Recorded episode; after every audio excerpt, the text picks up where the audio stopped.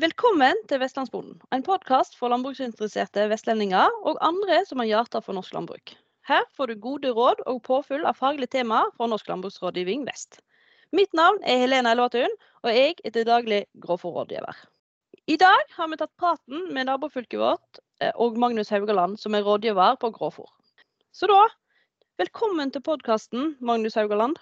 Fortell Takk, litt om deg. Det skal jeg gjøre. Eh, kort, jeg er, jobber med grovfòr i all hovedsak i eh, NLR Rogaland. Eh, holder til litt nord i Rogaland, på det som en kaller Haugalandet. Litt, ja, litt innover i fjordstrøka, en plass som heter Ølen. Men jeg jobber for så vidt med grovfôr eh, på hele Rogaland, da. Ja, kjekt. Og det er jo veldig kjekt å kunne intervjue andre fra andre fylker, for vi vil jo vite eh, Vi vet jo at det kan jærbønder er tidlig på. Så da er spørsmålet hvordan har det gått med førsteslåtten hjå dere? Førsteslåtten i år, den var mm, litt seine. Eh, fordi at det var en kjølig eh, vår i år igjen. Det har vært en grei slått. Fantastiske forhold her òg. Litt variabel avlingsmengd. Eh, Noen er strålende fornøyd, eh, og noen er litt skuffa. Ja, egentlig litt over hele fylket. Vi har hatt litt vinterutgang på litt eh, flater og litt forskjellige arealer, særlig reigras. da. Ja, Har de da direkte så det itkant, eller er det full omlegging? Det kan... Det varierer, men mye av problemet er at det har ikke vært full utgang. Altså, det er, vi har hatt noen plasser med litt sånn isbrann og litt sånne ting, men ikke mye der. og etter Der er det jo bare å eh, reparere. Men, men nå har nok en del eh, reigraseng som har vært litt tynn noen plasser. Og da er det sånn sånn vanskelig å beslutte om en skal gjøre noe med det eller leve med det. Men eh, som sagt, det er så enkelte, eh, og vi har ikke helt, helt klart å se eh, hvorfor det er sånn ikke akkurat deg. Så det er litt variabelt fra superavlinger til litt skuffende. Ja, så da blir det litt det samme som her eh, i Vestland fylke. Der det òg har vært veldig variabelt i år. Eh, og så ser vi òg stor sånn forskjell på ytre kant og indre strøk eh, i oss. Eh, og da gjelder kanskje jo dere òg? Nei, ikke så store forskjeller der egentlig i år. Eh, Det som vi ser er at en har det, det minker litt på nedbør i eh, indre, indre nordre strøk, at det kan ha begrensa litt. Eh, For vi hadde en del nedbør som kom i forbindelse med noe sørvestvind, og da får en eh, mer i sørlige ytre strøk. Da. Det er eneste som litt spesielt i år. Ja. Har det tatt noen sånn prognoseprøver i forhold til kvalitet og avlingsmengde og sett litt på det? Ja, vi har eh, tatt litt prognoseprøver, som vanlig. Men vi har slitt med at analysene egentlig kommer fra laboratoriet altfor seint. Som har vært litt Det har vært litt for seine svar om vi har fått til å gi eh, den hjelpa det skulle være for eh, bonden. Så det har vært veldig mye utgjeng i sånn det for så vidt skal være, da, men ut i gjeng og se på hvordan gresset faktisk utvikler seg for å beslutte slåttetidspunkt. Ja. Og da hører jeg at det har vært litt det samme som vi her i NRV NRL Vest slitt med. Jeg har jo tatt kontakt med deg, Magnus, for du er en, jo en veldig god rådgiver. Og vi lurer nå på hva må vi gjøre når vi er ferdig med slåtten nå? Det vi i Rogaland eh, er opptatt av, det er å prioritere å få ut skiten. Eh, Ja. Og Grunnen til det er at det er altfor risikabelt å vente på fine forhold. Eh, akkurat nå eh, så er det gode forhold for ski- skitkjøring med, med tort i bakken og litt nedbør. Men vi har veldig mange eksempler på at medlemmer venter på de ideelle forholdene eh, og ser på værmeldinger, og så kommer det ikke det rette forholdet likevel. Og så ender det med at eh, gresset kommer for langt, og en får skit i gresset, og i verste fall ikke skiten ut i det hele tatt. Så, så vi er opptatt av få ut skiten, først og fremst. Handelsgjødsla den eh, skal også tidlig ut, men i våre forsøk så ser vi det haster ikke så mye med handelsgjødsla at du ikke rekker å kjøre skiten ut først. Eh, Du trenger ikke ut eh, på dagen etterpå. Eh, Vi ser ei god vestlandseng som er gjødsla godt til førsteslåtten. Det er nok næringsreserver til å starte gjenveksten. Ja. Så da er vi raskt utpå rett etter slått med mineralgjødsel, det er ikke det viktigste, men vi må kjøre møk. Ja, men det er viktig å få gjødsla ut tidlig uansett etter slått.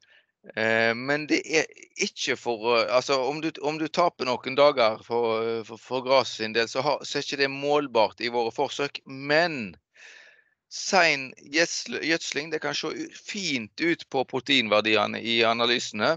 Men realiteten er at gresset det rekker ikke å omsette nitrogenet til protein. Eh, og da ser vi innimellom problemer med nitrat i gresset pga. for sein gjødsling. Og hvis en generelt får ut gjødsel seint etter slått, da begynner han å tape avling, selvfølgelig. Ja, og når du sier seint, um, hva legger da du i det? Vi, eh, da snakker vi at vi begynner å snakke om et par uker etter slått. Det er for gale. Da, da får vi et problem. Men, men eh, den første uka har vi på oss til å få det gjort, og da handler det om å få skiten ut. Og den bruker jo folk en del dager på. Mm. Jeg, altså, jeg, jeg, tenkte vi skulle snakke litt litt om det med, med årets gjødsling fra våren. Hvis vi, hvis vi tar litt tilbake og, og, ser hvordan det gikk, iallfall i Rogaland, så var det jo et problem at eh, de som fikk kjørt ut eh, gjødsla for seint, eh, de fikk òg for lite nedbør på den. Og det er typisk at det er tort i eh, mai. Det er vel den torreste måneden vi har, statistisk sett. Eh, og det gjør at de har nok ikke fått eh, mineralisert så mye av den eh, husdyrgjødsla som de kjørte ut. Så vi forventer jo en god ettervirkning av den i år. Men eh, vi er litt opptatt av at bonden eh, ser litt på mineralanalysene fra grovfòret fra i fjor. Fordi husdyrgjødsla varierer en del mellom bruk ikke oss, men ikke like fra år til år. Det betyr at de analysene du har, og hvis så sant du har kryssa av på mineralanalyse fra tidligere, de forteller litt om hvordan du pleier å treffe med gjødslinga. Eh, så det er egentlig en ganske god rettesnor og forteller egentlig litt om skiten din. Eh, men det forutsetter òg at du har notert hva du faktisk har gjødsla med da, i, i fjoråret. Så vi syns det er veldig interessant. Se at om det, det ligger mye skit igjen, og se på, på analyseresultatene fra fôret ditt fra i fjor. Da. Eh, det med å ta ut husdyrgjødselprøve er litt vanskelig. Vi har litt blanda erfaringer med det her i Rogaland. For dette, ofte så får vi rare svar, og så viser det at analysen er tatt ut på en, prøven er tatt ut, så det er lite representativt. Så for å få det rett, så burde du egentlig springe bak skittvogna eller under blekkspruten og ta ut eh, skit mens, eh, prøve av skiten mens du kjører ut. Eh, og da vil du jo få det svaret altfor seint til at det har noe praktisk nytte. Mm. Så derfor så er vi litt sånn, vi litt sånn, har litt problemer med å få de der husdyrgjødsel til å prøvene til å fungere i praksis. Da. Men, ja. men jeg må ha én ting til. Jeg snakka om ettervirkning av gjødsla fra i fjor. Nei, fra forrige slått. Den, den, kan være god. Men vi skal ikke spare på gjødsla hvis vi har god, godt med avling nå. Uh, vi skal gjødsle rett. Det er litt viktig for oss i Rogaland. Du skal gjødsle rett for å få det kvalitetsfôret du skal ha. Og skal vi produsere mest mulig bl.a. proteiner og, og dyrefôr på norske ressurser, så er det i enga vår, grasenga, det er der vi virkelig kan produsere mengder med protein. Og det betyr at vi må, må ta skikkelige avlinger. Og er du i tvil, så må du egentlig snakke med rådgiveren din om hva som er rett for din gard. Ja, det var bra du sa. Og Det gjelder både her og i Rogaland, selvsagt. Mm. Så det er veldig kjekt. Men helt i starten der, så snakket du om det med nitrat i gras. Mm. Hva er nitrat, og hvorfor er vi redd for å få nitrat i gresset? Altså, veldig enkelt sagt, nitrat det er jo uh, disse nitrogenforbindelsene som ikke er bygd om til proteiner. Og det er giftig. Det er plantene som har nytte av det. Det er plantemat, det er ikke dyremat. Så det, det er en grunn til vi ikke skal overgjødsle for sikkerhets skyld. En skal gjødsle rett. Ja. Og når du sier at vi må gjødsle rett og ikke overgjødsle. eh, da må du selvsagt ta kontakt med din lokale rådgiver for å høre om det. Og så sa du Men hvordan vet du om du har Hvis du har vært usikker, du har hevet utpå eh, en mengde med møk og en mengde med mineralgjødsel, og så tenker du Oi, nå har jeg gjødsla for mye. Hva kan en gjøre da? Er det noen måte en kan mye. finne ut? For mye kan du jo ikke gi Ja, du kan jo for så vidt egentlig ta ut prøver. Men eh, hvis en har gjødsla for mye, så er ett tiltak å være litt forsiktig med å slå veldig tidlig, for da trenger det mer tid. Ja. Men hvor lang tid bør det gå? Nå sa du akkurat at det er ganske væravhengig. Er det tort, så må en nesten vente på noe nedbør for at prosessene skal gå, og litt varme. Men, men eh, hvor lang tid er ideelt å ha mellom gjødsling og slått? I ideelle forhold? Ja, Det bør nå ha fem uker. Fem uker. er Ja. en grei regel. Sommeren går ting litt fortere, men eh, fem uker det betyr at de som skal slå Altså de eh, som virkelig skal slå hyppig, de skal gjerne slå eh, hver femte uke. Da har- er det jo bare ti over veien. Men for en i et trislåttsystem eh, så bør det være aktuelt for alle som ligger langs kysten, så eh, er jo en slått eh, i midten eh, eller aller siste del av juli aktuelt. Og da snakker vi om Det er jo da snakker vi om en seks-sju uker etter slått. Sånn at har, det er liksom bare tida veien. Få ut eh, skitten og få på handelsgjødsel. egentlig. Eh, det er ikke noe å vente på. Og det er ingen grunn, faglige grunn til å vente. Nei. Og du sa nå nett i stad, så sa du at alle langs kysten bør satse på et treslåttsystem. Hvorfor bør vi det? Nei, alle bør gjerne ikke det, men, men det er jo det vi har klima for eh, langs kysten. Vi har en lang vekstsesong. Eh, og eh, skal du ta ut eh, Skal du kunne redusere grovfòrmengdene, så er det jo i realiteten et treslåssystem som er, er det rette. Utfordringen er jo, eh, er jo nedbørsmengder og alt dette som vi kjenner til, men, men eh, vekstsesongen blir jo bare lengre og varmere, sånn at det er vanskelig synes jeg, å forsvare et toslåttsystem. Iallfall hvis vi skal produsere på norske syste- eh, ressurser. For, for hvis du kjører et sl- et toslåttsystem f.eks. i, i, i ja, Etne-Ølen, altså det er helt nord i Rogaland, så eh, produserer det jo egentlig stort sett bare fiber, og så må du kjøpe inn eh, proteinene og, og, og resten av fôrenhetene via kraftfôr, egentlig. Så, så vi, vi blir pressa over i et treslåttsystem eh, om vi vil eller ikke.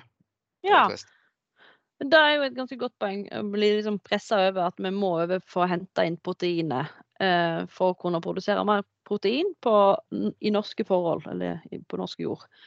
Men hvordan eh, det med ensilering av Når du skal ha treslåtter, så må du slå det tidligere, sånn som du sier, at du ikke får så mye fiber. Og da må du slå det på et tidligere utviklingsstadium. Ja. Men da opplever jeg òg eh, mange ganger når jeg går forbi eh, f.eks., for at det er veldig eh, vond lukt. De er typisk veldig feilgjøra.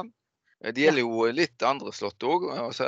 Det, det som skjer, er at når du har et bladrikt fôr, eh, så får du mye mer buffere i det fôret, så det er mye vanskeligere å installere. Det, mye, det, må mer, det må gis mye gass for å få eh, ensileringsprosessen i havn og få senka pH nok. Og hvis det gresset i tillegg er bløtt, eh, så kreves det noe helt enormt, og du får en voldsom produksjon av syrer. og I verste fall klarer du ikke det fort nok, og da får du en feilgjøring og et fôr som smaker vondt. Så mye av de fôringsproblemene vi har inne, har vi jo egentlig lagd uh, ute. Og en vant med å slå to sene slåtter, så er det jo enklere å få til ensileringa. En, en, en timotei, en seint slått timotei er fryktelig enkelt å insulere. For det første så er det høy tørrstoffprosent i utgangspunktet, så han er jo tørr. Og det er lite bufferer i han, sånn at det skal ikke så veldig eh, Det er ikke så enorm jobb som må gjøres av syre eller melkesyrebakterier for å få pH ned. Går du over på disse bladgrasartene som det blir mer av i enga eh, når vi slår ofte, så får du mer av disse bufferne. Og det er jo buffere det er, det er noe som virker imot pH-endringer. Det betyr at eh, når det er mye buffere, så er det nesten som du skulle strøtt på et lag eh, kalk oppi siloen, på en måte, når du hiver oppi Ja. syra. Det blir liksom eh, det, det skal mye syre til for å senke det, på en måte. Eh, Det vi da gjør for å hjelpe prosessen, det er jo det ene å ha i syre, er enda viktigere på andre treslått. slått.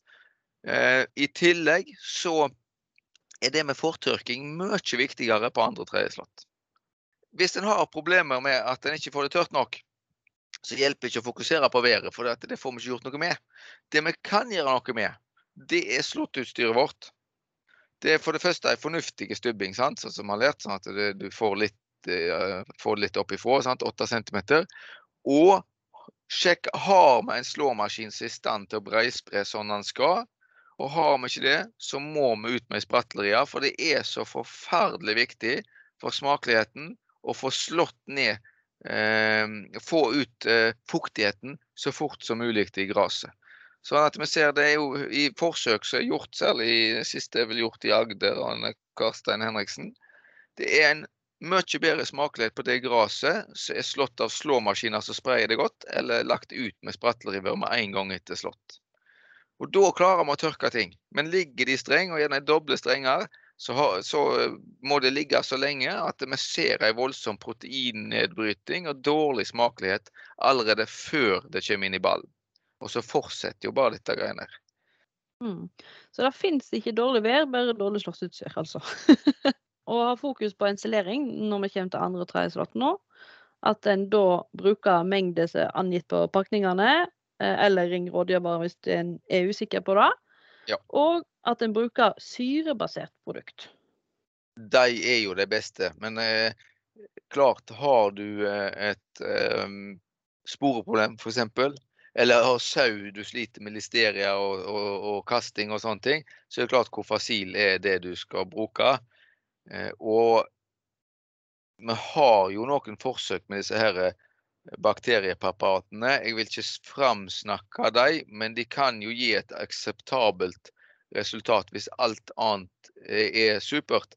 Men hvis vi går og sliter med at mm, tredjeslåtten lukter vondt, da er det syra som gjelder, altså. Ja. Så det er den gode, gammeldagse dags syra som vi slår et slag for i dag òg.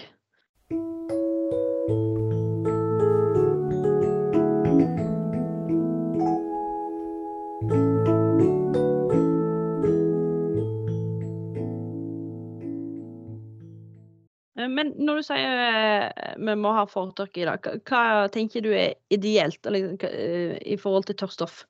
Hvor høyt opp bør en? Eh, jeg syns alltid vi skal over 30% ja.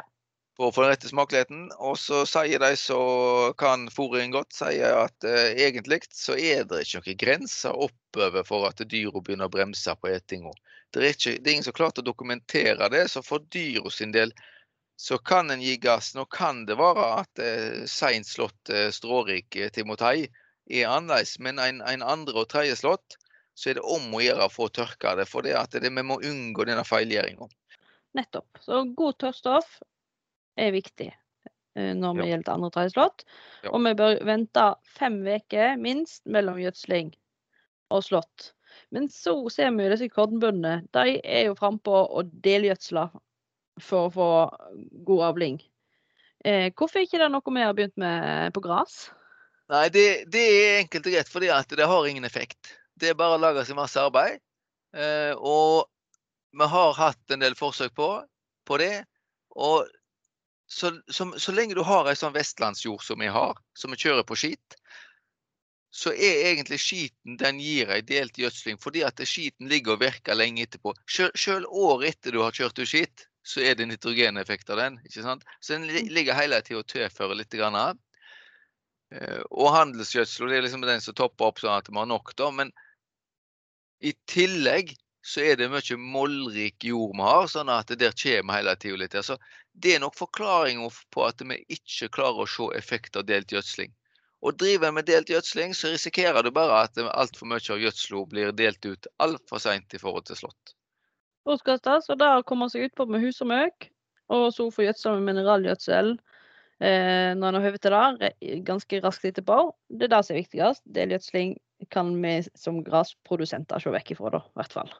Ja, gjør det, og godt er det. For det at før du vet ordet av det, så skal en slå igjen. Tida går fort, iallfall på sommeren. Den skal ha litt ferie, og du skal ta tak i litt ugrassprøyting. Og så har en jo dyr en skal stelle. Så en har jo mer enn nok å balle på om vi ikke skal finne på ekstra prosjekter. Ja, og når du sa nå uh, ugressprøyting, så har jeg jo lyst til å snakke litt om det òg. For nå ser vi jo at atleget har begynt å vokse. Og jeg var ute på noen atlegg her uh, i, i tidligere i uka, og da ser jeg noen små meldestokker som begynner å poppe opp. Har Ja. dere noen uh, gode råd der? Ja, hovedsakelig så skulle atlegg vært sprøtt allerede. Eh, For de atleggene som er lagd i april, er kommet så langt nå at uh, ugraset begynner å bli seigt å ta. Og vi begynner nærmest der at ugraset begynner å tyne, tyne gresset og en tynnere eng. Og det ser vi at skal du få en god, tett eng, så må en ta ugraset tidlig nok, sånn at det faktisk eh, gir plass til tette eng.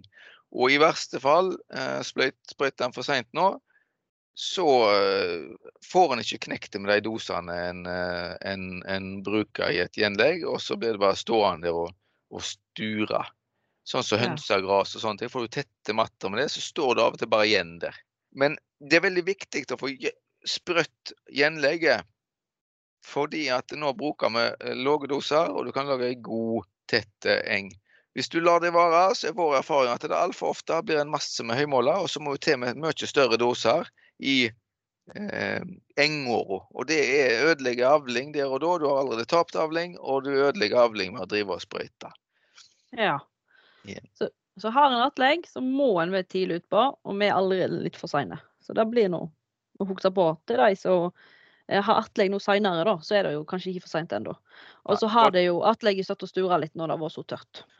Men sånn som med høymåler og slikt, det, det nevnte du noe i stad, at eh, atlegg eh, har ikke en sprøyte atlegg godt nok, så får vi det igjen i, Ja. Og, i, med høymåler. Mm. ja, ja. og det, det er egentlig godt å nevne, fordi at eh, høymåla nå når vi er i starten og midten av juni, så er den veldig lett å dra opp. Vi har den rotløsveka, som det heter. Grunnen til at høymåler og en del andre sorter med sånn pålerot er lett å dra opp nå, er at de har tappa denne pålerota si for næring, sånn at den er faktisk blitt eh, innskrumpa og tynne. Og står veldig løst nede i jorda, sånn at du er lett å dra opp. Iallfall hvis i tillegg er det litt fuktig vær, sånn som det begynner snart å bli nå, så er det mulig å dra de opp. Ja. Du på hva ryggen tåler, måte på hva ryggen tåler å dra, dra opp. Men, men, men er det moderate mengder, så er det et glimrende alternativ. ja. Gjelder òg på hundekjeks, kan òg dras opp. Hvis du har små mengder og i en kant, så går det fint an å luke de òg med et akseptabelt resultat. Så bra. Og det er jo et mekanisk eh, tiltak som ikke krever sprøyting. For de Ja. som syns det er bale og vil unngå det, da. Mm. Eh, ja, så bra. Men eh, hvis en skulle da ha sprøyta eh, Når er rett tidspunkt for å sprøyte høymåla? Bare Ja, for å det var godt repetere det. Altså, Sprøyting av høymåler det er når de har fått skikkelig rosetter, men før de skyter opp stengel. Men så er det jo sånn at eh, når en må ut og sleie nå, så har en kanskje sett noen skifte der en tenker jøss, her er det jo kun kveka, f.eks. Og tenker her skulle jeg hatt atlegg i vår, men rakk en ikke på. Ja. Er det for seint å ha atlegg nå? Nei, det er en glimrende tid å ha gjenlegg på, egentlig. Altså, hvis en tenker på hva en får mest eh, avling på, så er det jo egentlig i teorien sånn at vi egentlig alltid skulle tatt med oss første slåtten og så i gjenlegg etterpå. Men det vi ofte er usikre på, er jo om om vi rekker det, om vi får retta været, og det skal være mange kabaler som skal gå opp. Det som vi mener, iallfall sier her i Rogaland, er at eh, du skal iallfall kjøre ut skiten som vanlig på eh, enga. For det skal kjøre ut skit som vanlig, uavhengig om du skal ta avling eller ikke. Ja. Er du, skal du ha det til gjenlegg, så gjør du ikke mer før at eh, kveka har fire til fem blad. Da skal hun pløyes. Men eh, det opplever jo mange at det er jo ei lengde som tilsvarer at det begynner å nærme seg slått igjen. Så det betyr du, du, skal du få knekken på kveka, så må en akseptere å ofre noe avling. Eh, Litt sånn til slutt. Eh, kveka, for de som er litt usikre, har du en god måte en kan kjenne igjen kveka på? Ja, jeg har en, en god måte som er litt vanskelig på, på, på radio. Eh, Det er jo å lete etter den der slirehinna eh, som kommer opp med bladet som følger strået. Den har ikke kveka, da, mens timoteien har det. En annen ting med kveka, hvis du ser på enga di at det er sånne mer eller mindre runde felter med, med litt sånn bølgete blad som står litt sånn vridd, så eh, er det tydelig tegn på kveka. Og så har du i tillegg eh, selvfølgelig når du skyter, så for den veldig eh, Den som ikke Ja, for, for, enkelte så blir den forveksla med reigras. For han ja. har et litt lignende aks, men han, er, han framstår veldig ulikt. Men eh, hvis en sliter med sånne ting, så er det egentlig bare å snakke med rådgiveren sin, for eh, det trenger nok unna. Så da er tipset å få med seg en rådgiver ut i en år, og så få han til å vise dette greiene, sånn at en kan det en gang for alle, og slipper å være usikker. Så bra. Det var et godt tips. Selvsagt. Men eh, sånn helt til slutt, nå, jo, nå er tida ute snart for um, prat mellom meg og deg. Um, men eh, helt til slutt, har du i forhold til klima Vi har jo prøvd å ta opp eh, klima i, eh, hver podkast nå. Så har du noen sånn eh, tips i forhold til klima og grasproduksjon? Hvordan kan en produsere mest klimavennlig gras, eller gråfòr? Hvordan kan en produsere mest klimavennlig grovfôr? Ja, altså Den enkle er jo det vi vel eh, alle har fått med oss, eh, at det gjelder om å ha mest mulig avling. Eh, og Det er jo det vi ser i alle, alle de prosjektene vi har kjørt med økonomi. Det er bare én måte å få lønnsom grovfòrproduksjon på, og det er å ta store avlinger. Det er eneste, mulige, eneste veien til mål. Mm, og det gjelder på klima òg, at det viser at det store avlinger er den eneste måten vi klarer å få, få gode tall på. Men det er jo små detaljer òg, sånn som hvis vi nå snakker om, om gjødslinga nå, akkurat nå, da, så er det jo eh, Stripesprayer er jo bedre enn eh, fanesprayer. sant? Du får mindre utslipp til luft. Det er to ting i det. For det første blir det mindre ammoniakk som kan gi luftgass. Det andre er at du sparer bitte litt handelsgjødsel. Men det er veldig stor forskjell mellom de ulike produsentene. Så vi ser jo at de store, seriøse produsentene av gjødsel de har papiret på at de har lave utslipp. Ja. Mens de useriøse, mindre seriøse de har ingen papirer på det og har ingen planer om å dokumentere det. Og for meg er det god nok dokumentasjon på at de som viser hva de gjør, de har antageligvis best tall. Det er litt sånn så at eh, de bøndene som har gode avlingsregistreringer, har eh, mer glede av å vise fram store avlinger enn de som har lyst til å snakke om noe annet. Da har de som regel lavere avlinger. For vi er akkurat like, vi som ja, ja. liker best å snakke om det vi er gode på, alle sammen. Det er sant. Og når vi snakker om de store, seriøse selskapene, så er det jo Yara, da, for hovedsak her i Norge iallfall. Det er bare de jeg har, eh, jeg har fått eh, gode tall ut av, faktisk. Det, og de har fått dokumentasjon av lekt din andre, så det skal dokumenteres. Så det, de har gjort en god jobb akkurat der på klima. Det er bra. Så da er det opp til oss bønder at en er flinke på avlingsregistrering, så ja. vi kan dokumentere det. Men dette var jo veldig interessant. Eh, tusen takk for at uh, du tok deg tid til å være med nå i disse travle slåttetider. Og eh, så må jeg si til alle lytterne, tusen takk for at du lytter på. Kom gjerne med innspill om hva du ønsker å ha med i podkasten framover. Og så eh, må du høre på neste gang. Neste episode kommer ut om tre uker. Så da må jeg si tusen takk, og ha det bra.